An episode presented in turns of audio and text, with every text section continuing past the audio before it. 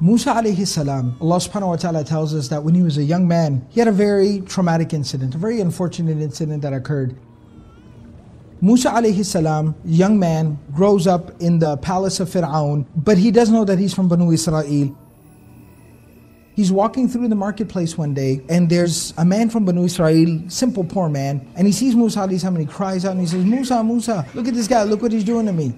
And it was a man from the people of Fir'aun, the Qibtiyun, used to persecute and violate the rights of the people of Banu Israel. So Musa goes there and tells the Qibti, What are you doing? What's going on over here? And the Qibti, of course, he's part of the elite. He tells him, He goes, Why don't you move along and mind your own business? And Musa says, I'm trying to make sure everything is okay here. And the man turns around and gets in Musa face. Like, what are you going to do about it? So Musa salam to kind of defend himself, he pushes the man, he strikes the man, shoves him off of him, not realizing it is his own strength due to an unfortunate circumstance, the man ends up dying. Either due to the blow or because of the fall, he ends up dying. Now, it was not intentional. Nobody really else was around. That man from Banu Israel, he runs off and Musa salam leaves the scene as well. And before you know it, this whole panic breaks out into the city, into the town. Somebody killed one of the elite. Somebody killed one of the people of Fir'aun.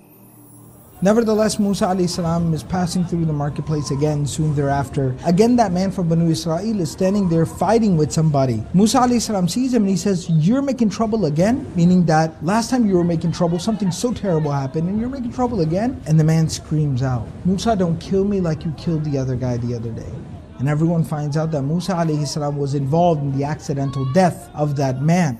Fir'aun and his people put out the word to arrest with the possibility of executing Musa alayhi salam in retribution for the death of the other individual. At that point in time, somebody comes to Musa alayhi salam and says, You need to get out of town.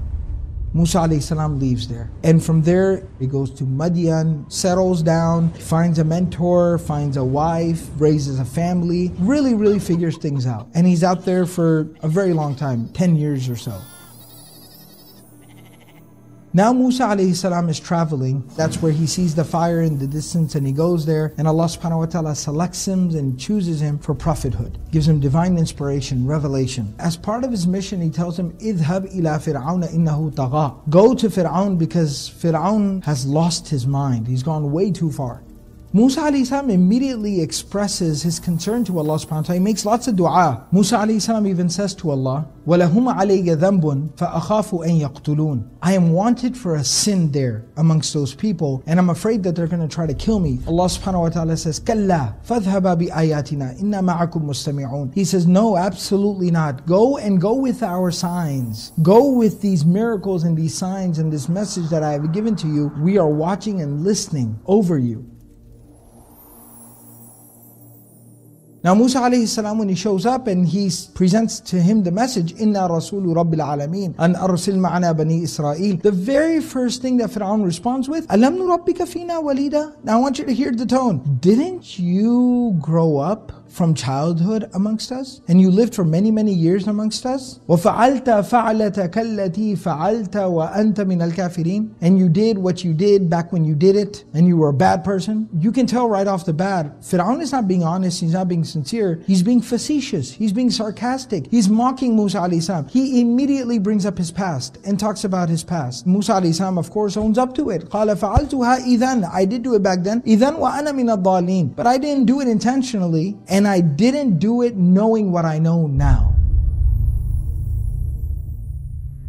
See, everything Allah tells us in the Quran is profound. It's got a purpose, it's got a meaning, it's got a reason to it. Why did Allah subhanahu wa ta'ala share with us the incident about the man dying from the youth of Musa alayhi salam? Because Allah subhanahu wa ta'ala then shared with us the fact that when Musa alayhi salam comes back to preach to Fir'aun, the very first thing that Fir'aun brings up, hangs over his head, rubs in his face, talks about in front of people, is what happened previously in his life, in his past. And Allah subhanahu wa ta'ala told us about this because this is going to be something that is going to occur time and time and time again with people. Everyone's got a past. And we're going to have a lot of people who later on in life are going to come into the masjid, come into the community, and they're going to have a past. How are we going to deal with them? If the first thing that we do is talk about, think about, bring up, ask about what happened in their past, the mistakes that they made, We just behave like Fir'aun. What's the alternative? The alternative is that we leave their past behind. We don't think about their past, we don't talk about their past, we don't ask them about their past. We most definitely do not criticize them about their past. But rather, what do we do? We embrace them, we love them, and we accept them for who they are right now, right here today. That is the example of Muhammadur Rasulullah sallallahu alaihi wasallam. The Prophet sallallahu embraced people. He accepted people. He did not judge people. Let their past be their past. The story of Wahshi, no matter what he's done, caused such pain to the Prophet assassinated his uncle. But the Prophet said, The past is the past. And he accepted people for who they were right now, for where they were going, for what they could become, what they could achieve. That's what he paid attention to. That's how he treated them.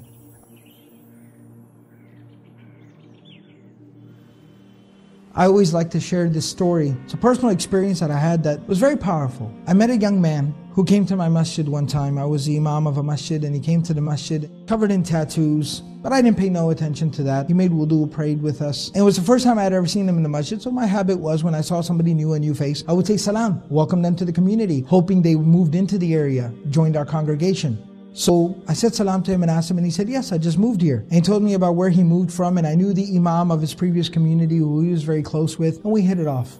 And he ends up telling me his story. He says that I grew up in a bad place with some really bad influences in the family and in the neighborhood. I ended up living a life of crime. Dropped out of high school, on the streets, drugs, gangs, violence, all those unfortunate situations. He says eventually I was arrested for felony third crime and three strikes and that's it. You go to prison for life. He said I was 23 years old and I didn't want to spend the rest of my life in prison.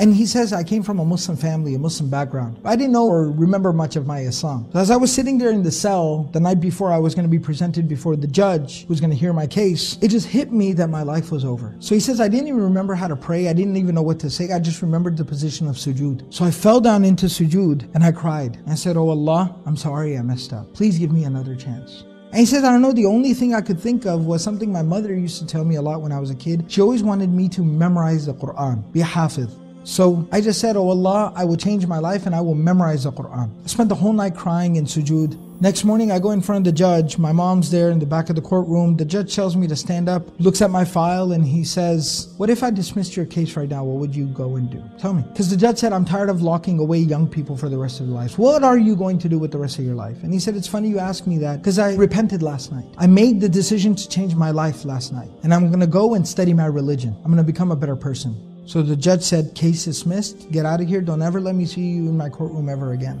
He says, I left from the courthouse. I didn't even go back home. I went straight to the masjid. I asked the imam at the masjid. I kept going until two days later, I ended up at a Quran memorization school. And I walked through the door, just jeans and a t-shirt, normal dude, but except covered in tattoos from my hands all the way up to my neck. I just walked through the door and one of the teachers, one of the shuyukh, he saw me and Assalamu alaikum, alaikum how can I help you? And I said, I want to memorize the Quran. He said, come on in, let's sit down and talk.